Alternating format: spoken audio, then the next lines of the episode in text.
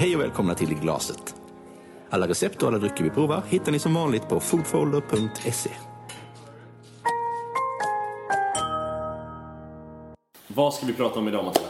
Vi ska prata om röda viner. Vi har valt sex olika röda viner från egentligen hela världen. Vi har försökt att täcka in de, de populäraste stilarna, Eh, får man säga, hos den svenska befolkningen. Lite av det som finns på, på hyllorna och lite det vi tycker att, eh, att man kanske bör satsa på. Ja, typ så. Vi eh, börjar i den lite lättare delen av rödvinsskalan. Den är ju ganska bred kan man säga. Den går från ganska juiciga grejer som är bra mycket mindre intensiva än de tyngsta vittvinen till eh, rejält tunga sträva saker. Men eh, vi börjar nu med en... Eh, det lättaste idag är en brouilly. Vad är Som då hela är- friden i det? Brouilly är en, eh, en by i Beaujolais. Okej, så jag är i Frankrike. Vi är i Frankrike. Härligt. Vi dricker eh, ett vin som är gjort av druvan Gamay. Och eh, den eh, görs liksom i lite olika stilar. Allt ifrån det som folk känner till som var hippt för ett tag sedan, Beaujolais Nouveau. Det var den stora innegrejen. Som är väldigt, väldigt juicigt. Tills mera s- tyngre eh, varianter som då är vinifierade på lite annorlunda sätt. Det här kan man väl kalla någorlunda tungt för att vara Beaujolais liksom. Absolut. Och, och för att bara understryka, då pratar vi alltså tungt i, i ändå den, den lätta skolan. Så. Ja, det är liksom inte superjuicigt utan det är lite, lite motstånd i den. Gamay har en klassisk smak av, eh, som man brukar säga, som svenskar väldigt lätt att identifiera som en lingon. Eh, den kan liksom uppträda i antingen som typ råröda lingon eller i detta fallet som typ osötade, liksom bara pressade lingon.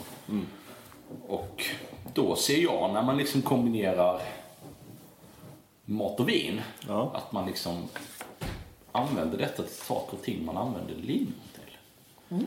Sen är det alltså vinstilen i sig är ju väldigt trevlig och lättdrucken.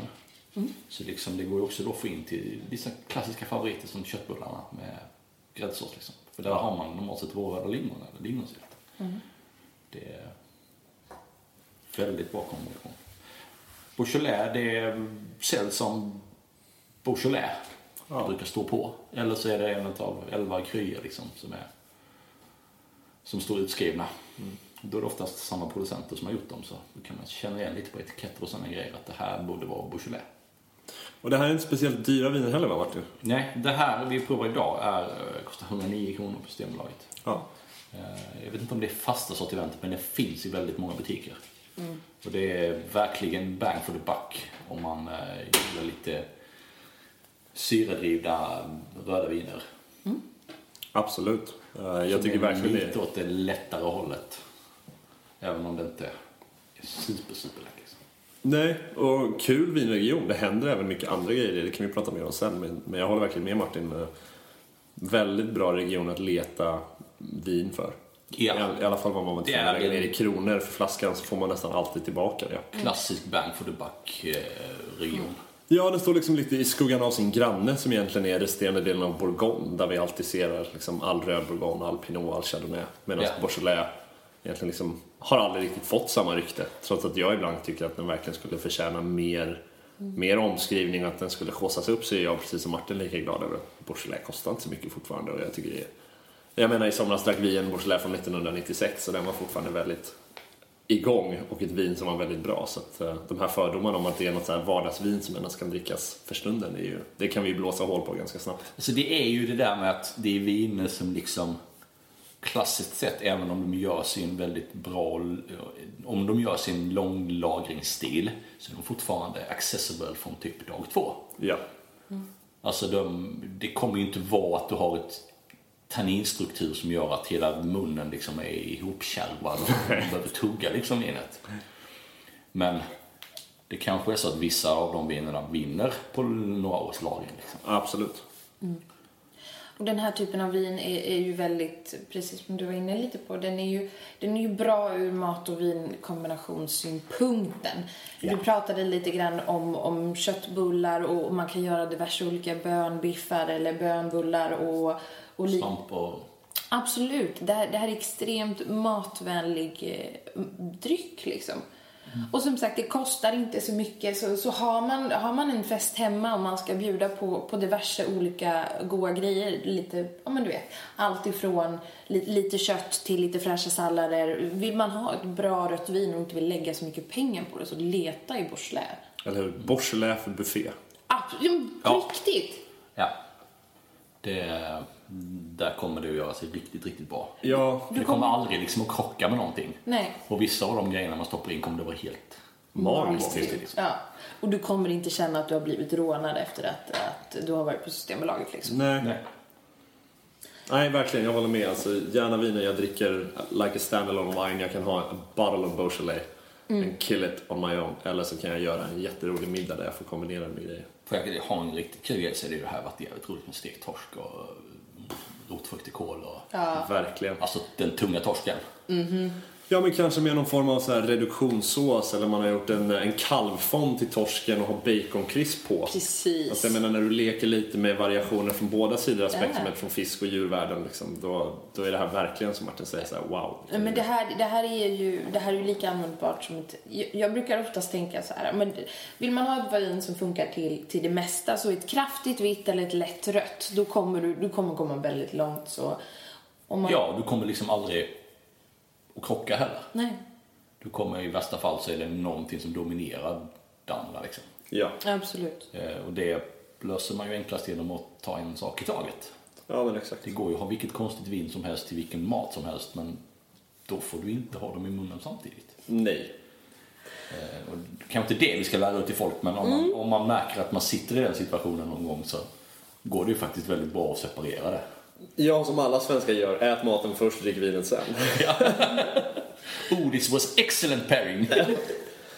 Okej, men taktpinne till glas nummer två då. Då har vi Nog om Beaujolais och pengar. Jajamensan, nu rör vi oss till Italien, närmare bestämt Toscana.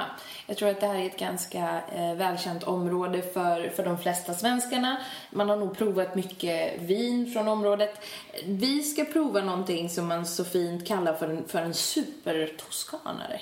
Oh, do tell. Oh, do tell, do tell. Eh, det är ju så ehm, som att, att det finns ju många druvor som man inte får eller som man å andra sidan får odla i ett område. Eh, det, som gör att eh, den här blir någonting utöver bara ett vin från Toscana är ju det faktum att man har adderat lite Cabernet Sauvignon och lite Merlot i det hela och det är inte riktigt helt okej. Vad har man adderat det till? Till vinet? Ah, till Sangiovese menar du? Ja. Jajamensan. Så Sangiovese bor ju i Toscana. Eh, det är där ser vi oftast i form av Chianti eller Chianti Classico och lite såna där grejer. Men nu har vi adderat lite Cabernet Sauvignon och lite Merlot och då blir den eh, enligt den italienska vinlagstiftningen inte helt okej. Nej, det här Ja, tydligen blir den ju super. It's super Tuscan wine. Men den har ju liksom, rent historiskt sett så det här är ju buteljerat som Chianti. Typ. Ja. det här doftar ju typ Bordeaux. Ja, men det är ju lite Cassis och... French grapes liksom. in Italian soil and you have super Tuscan wine. Ja, så kan man väl säga. Men väldigt, väldigt bra tycker jag. Ja. Eh, ett ganska... Ja, jag tycker det är ändå så här druvor som har väldigt- väldigt stor nytta av varandra i en blandningsprocess. Absolut. Det, och nu, vi drar upp det smakmässigt helt klart. Vi får ett mycket mer intensivt vin. Om man bara tittar på färgen så ser man att, att färgen blir lite mer intensiv. Vi får lite mer tryck i den. Och så även eh, när man smakar på vinet. Man får en helt annan typ av, av, av bärighet och det finns en struktur. Man kan nästan liksom lite tugga på vinet och känna att det, det, det är lite tjockare, det ger lite mer motstånd. Ja, men verkligen. Jag tycker som du säger, det märks att vi har, vi har närmat oss lite varmare breddgrader här. Ja. Blir, Eh, om man jämför liksom med våran Beaujolais i glas nummer ett. oh ja. Ja, helt klart eh, lite tyngre men också en stor del av den här klassiska italienska cherryfruit och Ja, och ändå en syra som ändå finns. Ja. Liksom. Det, det, är inte, det är inte klumpigt och plufsigt. Nej, nej, Nej. Men det är och det är inte kokt. det är inte kokt och syltigt liksom utan Nej. det här är snygg frukt. Absolut. Och jag tror att det här är ett vin som skulle passa väldigt många svenskar. Så den, den här typen av vin gillar vi här i Sverige. Ja. Och vi gör, alltså vi gör mat som passar till det också. Absolut. Och vi äter mat som passar... Alltså, när vi dricker vin så äter vi mat som passar till det här. Ja, det skulle jag säga. Utan att vi vet det så gör vi Absolut, det. Ja. absolut. Alltså den svenska husmannen liksom. Verkligen. Och då galet osökt kommer man ju någonstans in på vad, vad i hela friden ska vi äta till det här Martin? Så, I wanna go Italian. Oh. Why not Italy? Nu ska vi inte vara sådana att vi är riktigt sådana regionfetischister men alltså... Vadå, menar du att eh, vin med adress från samma gata äts bäst eller? Vinmakaren och pizzabagaren de har pratat med varandra. Så de gör liksom... Ja men alltså det här skulle jag ju... Alltså, Helt klassisk med pasta, pizza. Ja, Det är ju liksom... med lite ravioli. Alltså det finns ju hur mycket som helst att ta av. Absolut. Men du behöver inte ens göra det svårare än, än liksom jobba med lite, med lite örtighet. För det ändå finns någonstans Ja. i vinet. Jobba med lite rosmarin, jobba med lite timjan. Kör in en kyckling, gör den helstekt eller gör en svamppizza med lite tryffel. Eller tryffelolja om du känner för det. Alltså, Nu börjar vi... möjligheten är ju oändliga. Alltså egentligen bara så skruva upp intensiteten. Ja. Även om liksom, klassiskt sett så funkar det kyckling till brödjun också. Men till exempel addera tryffeln. Alltså öka smakintensiteten och rikedomen i rätten bara egentligen för att matcha den ytterligare tyngden vinet kommer ge. Man kanske vill ha en relativt balanserad gräddsås med dragon till brödjyn medan här kan vi ha en dragonsås plus karamelliserade rotfrukter plus tryffel plus Ja. riven parmesan. Oh, och lite Alltså, av kanske Driver du apelsin. på kycklingen lite mera. Alltså Ja. inte ljus, ljusbrun utan Nej, den ska inte egentligen medium. Ja, alltså att liksom, i, även om aromerna är så lika mellan de här två glasen så är det egentligen bara tänk att det finns en intensitetsklocka du kan skruva på och liksom addera grejer till rätten. Liksom. Och det är ju viktigt att tänka på att intensiteten ska ju någonstans matcha. Har du ett lätt fräscht vin så vill du ha något lätt fräscht att käka till. Har du en gigantisk liksom boom-gryta då vill du ju ha någonting som kan bära upp det. Ja, absolut. Så lek med intensiteten. Dra upp den. Och det här med Super Tuscans är väl relativt nytt i vinvärlden får man ändå säga. Det här är inte sådär otroligt anrikt och gammalt. Ni verkligen Nej. inte. Nej. Det var ju liksom något man kom på när man... När var det som hetast liksom? Direkt efter 2000? 2001, 2002? När det pikade verkligen skulle jag kanske säga. Ja, alltså det finns ju, det finns ju många berömda producenter eh, som gör det man kallar för supertoskanare och de, deras viner säljs ju för en, för en större peng än, än vad en ordinär liksom, Chianti gör. Och det är ju liksom trots att man har fel druvor på fel plats eller hur man nu vill formulera det så, så har man ju nått framgång genom att, att resultatet blir så jäkla bra. Ja, Även är om det ju- inte följer lagstiftningen. Nej, men det är ju också liksom... Pengarna styr ju vinbranschen. Självklart. Eh, Så jag menar... Vem Och tradition inte styr. ha- Ja, tradition har ju liksom styrt, men vissa regioner har ju liksom gått med den stora internationella marknaden och märkt att jag får faktiskt nästan dubbelt så mycket betalt om jag odlar den druvsorten.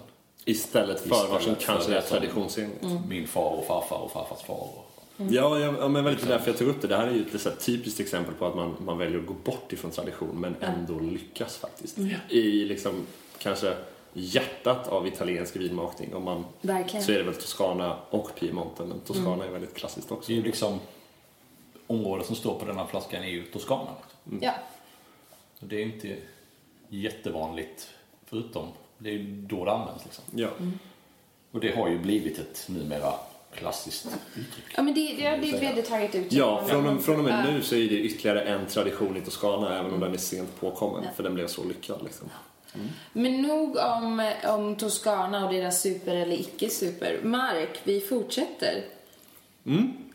Nej, jag tror att jag fortsätter istället. Okej då Martin, du tar det här glaset. Jag tar nästa. Vart är vi någonstans där Martin? Nej, jag, jag, jag ska tillbaka till Frankrike. Jag, Of course, back to France. jag visste inte att jag var som frankofil bara, men eh, Nej, men det är tydligt. det är tydligt i mina dryckesvanor.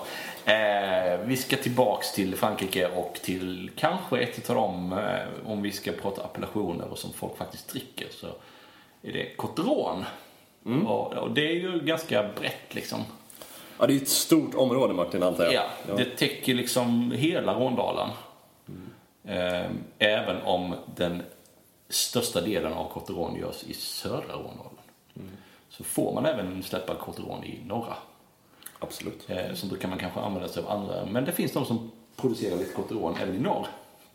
Eh, ett blandvin på eh, Grenache, Syrah och Mourvèdre. Brukar det vara, det kan ingå lite annat. Men det Nej, känns väldigt... Syrah och Cinsault är det denna. Eh, men det kan vara Mourvèdre, det kan vara Det kan vara lite det Carignan. Carignan. Alltså det finns ju så Summan av kardemumman är att det är ungefär 14 tillåtna druvor i området. Så att man kan göra lite vad man vill. Ja, man bara... Man tar det man har. Man blandar. Man blandar. Man blandar liksom oftast kanske till och med inte bara druvor utan man blandar ganska många vingårdslägen.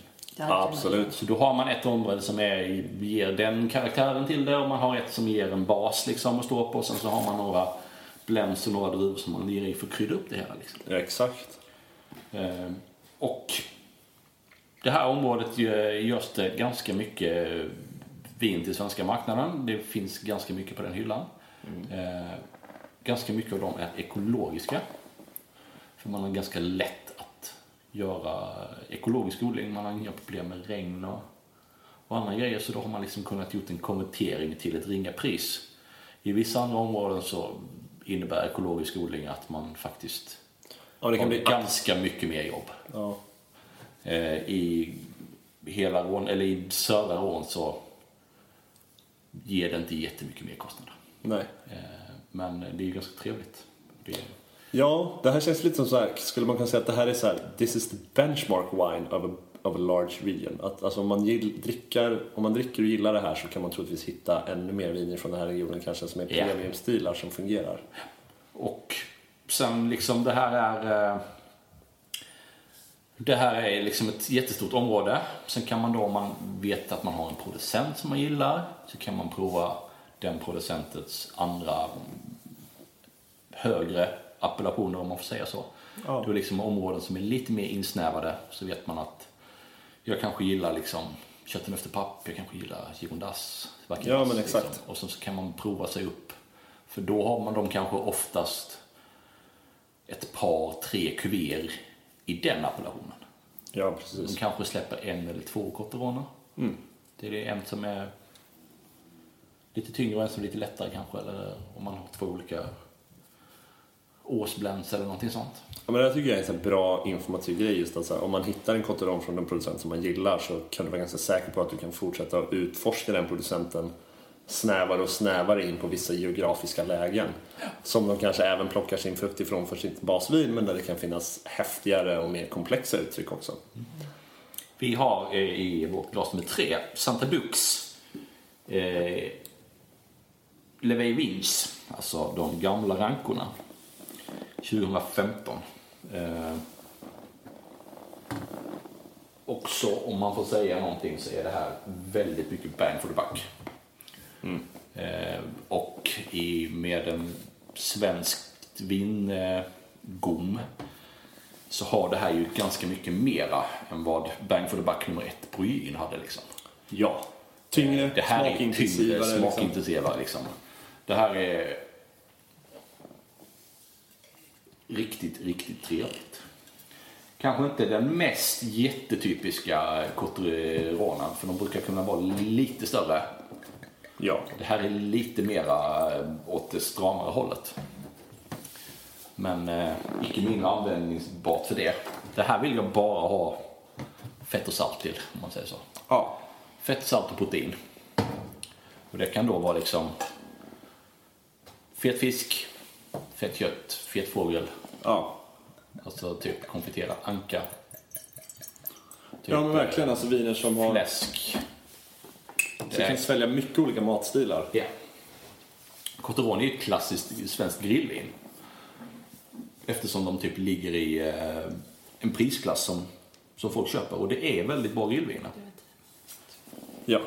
Det, det här skulle jag också kunna tänka mig typ lamm och för Cotteroner brukar vara ganska örtiga och det är även detta. Så varför liksom inte lammkotletter med rosmarin, timjan? Verkligen. Uh, slutligen ska vi, kan man säga någonting om... Alltså det är som du säger, alltså, och som Matilda sa, det finns ju liksom 13, 14. 14 olika man kan hålla på med. Eh, är det någonting vi kan säga som är generellt är att det tenderar att finnas en Grenache-bas Ja. i vinerna. Men annars kan det vara precis som vi sa, att det kan finnas många olika variationer där man väljer att blanda med annat. Ja, nog om Coteron. Massa olika druvor, blandningar, stor bredd och användningsområde. Blir det glas nummer fyra så går vi över till eh, Outside of Europe. Matilda. Mm.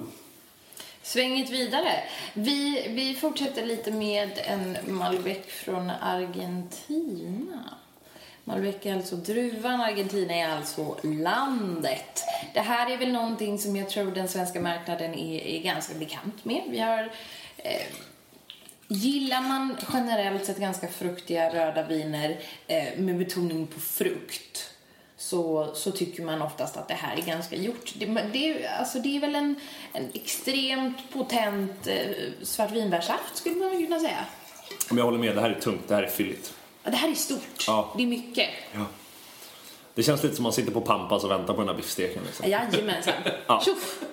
Och, och alltså vidare liksom så här, stilmässigt, det är ju lite det här man får. Ja. tyvärr lite beroende på vilken kvalitetsnivå man än rör sig på. Ja. Har provat en del bättre grejer från Argentina baserat på Malbec men tycker ändå att liksom fruktprofilen någonstans är densamma. ja, det känns som att det är det det handlar om. Koncentrerad, stor, varm frukt. Jajamensan. Eh, och varierande mängd e-kantering. Alltså det kan både vara med eller utan. Eh, ju dyrare det blir får man väl säga desto mer tenterar det att vara e-kantering. Ja, precis. Pengarna gick till att köpa fat. Precis. Det tror jag definitivt. Eh, absolut. Vart i... eh, det är väl Mendoza vi nämner som... Ja, det, det är väl Mendoza som är liksom någonstans det största ursprunget av det som, som snurrar in här på, hos oss. Mm. och och det är väl det som någonstans också kanske får stå för lite premiumursprung. Ehm, vidare, det finns, alltså, som, som alla länder så, eh, så går det ju att botanisera vidare men, men det tycker jag verkligen inte att vi ska göra. Utan det som är fokus här det är att det är ett extremt fruktgivet och, och stint eh, vin. Den stora fördelen med, med Argentina någonstans är väl att man kan göra eh, ganska mycket ekologiska viner. Ja.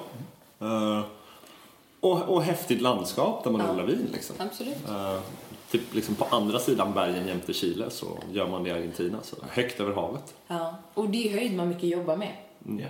Upp, på bergen och, och man pratar om liksom flood irrigation som det så fint heter. Alltså man bevattnar med, med, med att dämma upp. Gammal snö. Ja, och, och sen så liksom skjutsar man på där. Och, och det, man har inte så stora problem med, med naturen eller med de naturliga krypen som finns. Så att det är ganska lätt att odla ekologiskt här. Men som sagt, det här är nog en stil som är ganska bekant för de flesta skulle jag nog säga. Ja. Ja men verkligen. Eh, Det här är något som känns din mamma gillar. Ja men det känns publikt liksom. Ja. Det smakar mycket av vad det smakar. Även om det inte är något superkomplext så är det ändå så här. Det som finns, det finns faktiskt där och det känns inte som att det är anonymt. Vi har Liksom. liksom inte riktigt några skavanker heller som gör att man inte gillar det. Nej. Nej, det skulle jag inte säga. Det känns Ja, det inte liksom- defekt i någon ände. Nej, liksom, men, man dricker liksom... Klumpfaktor finns ju. Jajamensan. Och Ja, det vi. matmässigt så behöver det inte vara svårare. Alltså det, Argentina är ju någonstans köttland liksom. Ja.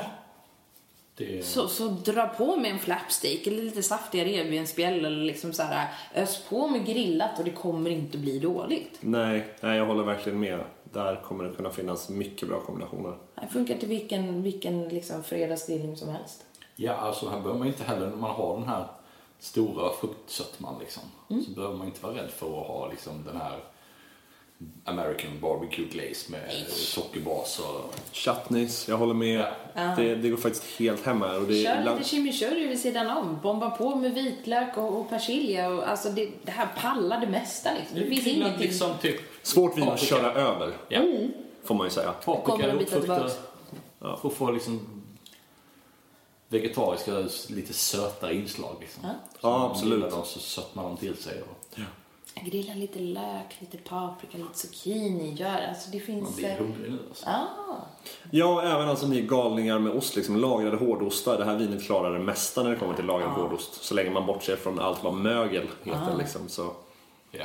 definitivt. Eh, ni som gillar att käka lite ost på fredagskvisten och dricka Malbec, det, det går bra. Jag kan tänka mig att köra en presto istället faktiskt. Mm. Gärna, gärna, absolut. Behöver inte Fan, ska till med det här. Ja, men eller så här nattamackan. Dra på liksom lite, kör ett Ska vitt du dricka bröd. Malbec till nattmackan? Ja, men jajamensan. Kör lite vitt bröd i botten och så bara dra på med marmelad, bro- på med en jävla intensiv prästost och så sänker du din halvliter Malbec. Det är, somnar du perfekt sen. Ja, det är i alla fall liksom. nog med intensitet i den maten för att stå emot det här vinet måste jag säga. Ja, mörk choklad. Mm. Ja. Ja, nog talat om, om eh, vår argentinska Malbec. Dags för glas nummer fem då i uh, rödvinsepisoden. Då tar vi oss till uh, Amerikat. Oh, Och eh, närmare bestämt faktiskt inte Kalifornien utan vi är i Washington State. Oj, oj, Så oj. några av de lite svalare regionerna i eh, USA för vinodling. Och vi har en klassisk Cabernet Sauvignon. Som man måste säga att det har liksom blivit Amerikas druva kanske numero uno skulle jag nog säga på den internationella marknaden. Och knappt därefter Pinot Noir också på, på röda sidan. Eh, Det här görs i en väldigt typisk amerikansk stil. Även om det här jäser på stål så ligger det länge på ek och ganska mycket ny ek. Och det har ju väldigt mycket starka kopplingar till att USA har sin egna whisky och bourbonindustri som producerar enorma mängder nya fat hela tiden eftersom det krävs för det. Så det finns massa fat i överflöd att lagra vin på så de lagrar på väldigt nya fat. Och det här vinet för sig ganska liknande i stil med våran Malbec. Dock så har vi kanske lite mera både struktur i vinet, det kan kännas ganska mycket strävare även om det är relativt varmt och odlat varmt och högre syra. Kanske inte den här riktiga fruktpushen Nej. om man jämför med Malbecen även om det finns mycket frukt i det här. Så skulle jag beskriva det som lite mer balanserat och har lite fler dimensioner kanske än vad Malbecen erbjuder. Ja. Eh, jag tror att det här är också typiska viner som går hem bra hos alla människor för det smakar mycket, det smakar intensivt. Eh, och det är inget riktigt spretigt i det här vinet och vi tenderar att gilla vin, vi svenskar som har legat på ek, när det gärna får vara lite rostade mockatoner, det är lite spicy och mycket av det här kommer ju från eken. Och, typiskt som även Matilda pratade om tidigare, det är lite rostat kokosnöt och lite sötma i avslutet också som gör det kind of drinkable, även om det är ett full-bodied red wine. Ja. Eh, och utöver det så... Det matchar ju också det som man skulle liksom vilja mumsa på på en fredagkväll. Absolut. Det här blir ju ganska höstigt vin som många ibland kan komma på krogen och beställa. Jag vill ha något höstigt eller kryddigt och mustigt. Och då får jag nog säga att då är nog den amerikanska cabben ett, ett eh, snäpp vassare än en argentinsk Malbec om man vill ha mer krydda eller mustighet eller Verkligen. andra undertoner i vinet. Ja. Alltså flera dimensioner. Hatar det men layers of flavors är ju ett uttryck man faktiskt Men vi kan får lite använda mer sig motstånd. Ja. Eh, kombinationsmässigt tycker jag att det här går i linje också med så här, gärna grillade stekytor. Alltså där det finns fett, salt tillsammans. Eh, och framförallt skulle jag även säga att det här går att också få ihop typiskt med vegetariska rätter. Alltså gör kikärtsburgare, vita bönbiffar och eh, dra på istället med ett fetare tillbehör som en rökt majonnäs eller smaksätt dina feta såser med något annat. Eh, för jag skulle nog inte nödvändigtvis säga att det är lika tungt som Malbecen men det har en smakintensitet som kräver, som kräver motstånd. Ja, Det här känns torrare skulle jag säga än vad Malbecen upplevdes. absolut. Eh, Men även alltså grillade, alltså grillad fläskkarré skulle funka jättebra. Även här, det går att använda lite mildare chutneys, möjligtvis någon lite lättare glaze. Rökighet skulle gå jättebra också att jobba med. Eh, Så det är ett väldigt allround vin, men var beredd på att det är ett, eh, en tung, intensiv eh, upplevelse när du dricker det. Det är inget juicigt och det är ingenting lätt när vi pratar om amerikansk Cabernet Sauvignon. Nej, det är väldigt få som gör juiciga uttryck av den druvan där. Nej, in, inte i det landet. Det finns, men försvinnande lite. Ja, ska vi, eh, ska vi klippa glas nummer sex för avsnittet? Ja, det tycker jag verkligen. Ja. Det här kanske är, tycker jag, ett av de mest intressanta alternativen vi har haft med i den röda flighten. Back to the homeland. Back to the homeland. Nu är vi återigen i Frankrike. Och i, då har vi faktiskt Chateau Boscas, ett lite äldre vin, en 2012. Och det här kanske inte är den mest klassiska, eller i alla fall mest representerade druvblenden i Frankrike. Utan här kommer det från Madiran. Och Madiran tror jag inte är sådär Var jättevälkänd. ligger Madiran? Madiran ligger i det vi kallar för sydost, alltså sydvästra delen av Frankrike. Och där pågår inte sådär fantastiskt mycket vinodling, men det finns. Eh, Så i Madiran så använder man en druva som faktiskt heter Tannat. som, läser man om vin så förstår man att de enda andra utanför Frankrike som håller på med det här, det är Uruguay. Så att det är ju inte världens kanske mest representerade druva och Tanat är ofantligt sträv. Om den egentligen inte får mogna och mycket tid i flaska. Så här har vi typiskt har vi mycket Tanat och sen har vi även lite Merlot och lite Cab Franc. Så det är vanligt att man blandar den här druvan med lite annat för att se till att den blir... För det går inte att dricka annars. Nej, 20. nej, jag håller med om att det går inte att dricka 100% Tanat på 20-30 år på flasklagring. Men sen, Men sen, det är absolut. ju amazing om man får tag på det och känner att man har den tiden att lägga ner. Så Absolut. do it. Ja. Vi behöver förmodligen inte ens betala för mycket för vinerna. Men ni kommer inse att alltså, kulören av de här vinerna är nästan svarta. De är otroligt kompakta. Och strävheten har vi ju pratat om som texturdelare så vänta gärna lite eller köp lite äldre årgångar. Men det här tycker jag för mig är viner som passar väldigt, väldigt klassiskt till alltså steakfritt.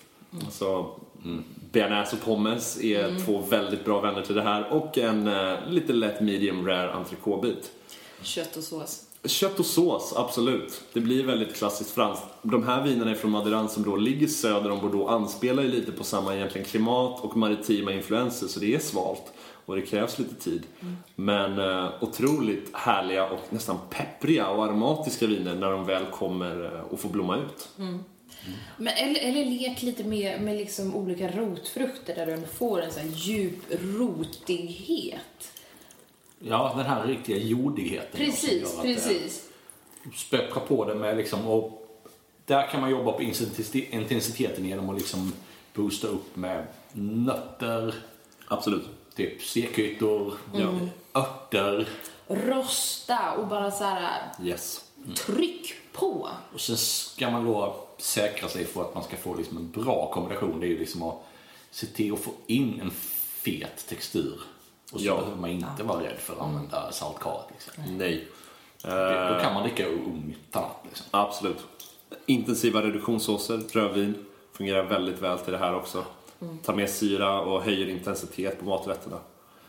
Eh, så det är absolut, om man vet att man gillar Cabernet Sauvignon och man gillar att dricka franska viner, undersök gärna Madiran och inom citationstecken även Cahors som är de här två premiumursprungen i sydvästra Så det är ju liksom, det är, inte, det här är inte superbilligt men det är ändå bang for the buck. För ska man ha den här intensiteten och den här strukturen i ett vin. 149. Faktiskt bara 149 kronor. Ja. Ja. Det, Eh, Och då är vinet snart sex år gammalt. Nu är vi på hösten här 2017 så snart, jag måste nog säga att det är ganska mycket vin för pengarna och det är otroligt korrekt gjort. Och det ligger faktiskt på riktiga fat, det är inga chipspåsar eller chipspulver i det här. Eh, och man filtrerar faktiskt inte ens vinet utan man låter det ligga på faten och sedimentera. Så att, uh, kostsam vinmakning till en väldigt liten peng. verkligen. Och det är, man det är ju behöver liksom inte glömma bort eller man kan glömma bort det. Oj, jag hade visst åtta flaskor liggande. Men jag köpte en låda liksom, så Ja. drack vi upp två. Jag tror till och med den här är godare kanske om fyra år. Ja. Och då är den fortfarande god idag. Och det här är någonstans fördelen med, med att botanisera lite i, i, i de kanske lite mer otrendigare områdena. Någonstans för att knyta ihop säcken. Beaujolais är inte kanske det hippaste just nu. Kika lite på det, kika lite på, på liksom eh, Maderan och där finns det mycket kap att göra. Det gör det ja, det gör det. Nej, två, jag skulle också vilja, som du säger Matilda, belysa de två områdena i dagens övningsprovning. Även, även i ett gammalt klassiskt land som Frankrike så finns det fortfarande gömda områden att hitta vin ifrån. Ja, för det eh, gemene konsument. Ja, Snyggt! Så för eh, lite recept och mer information om vinerna så kika in på Foodfolder så har vi lagt bilder och tips. Oh ja! Yes. Så eh, var inte rädd. Leta nya viner och regioner och gå in och kolla på hemsidan. Skål! Tannat för. Alla recept och alla drycker vi provar hittar ni som vanligt på foodfolder.se.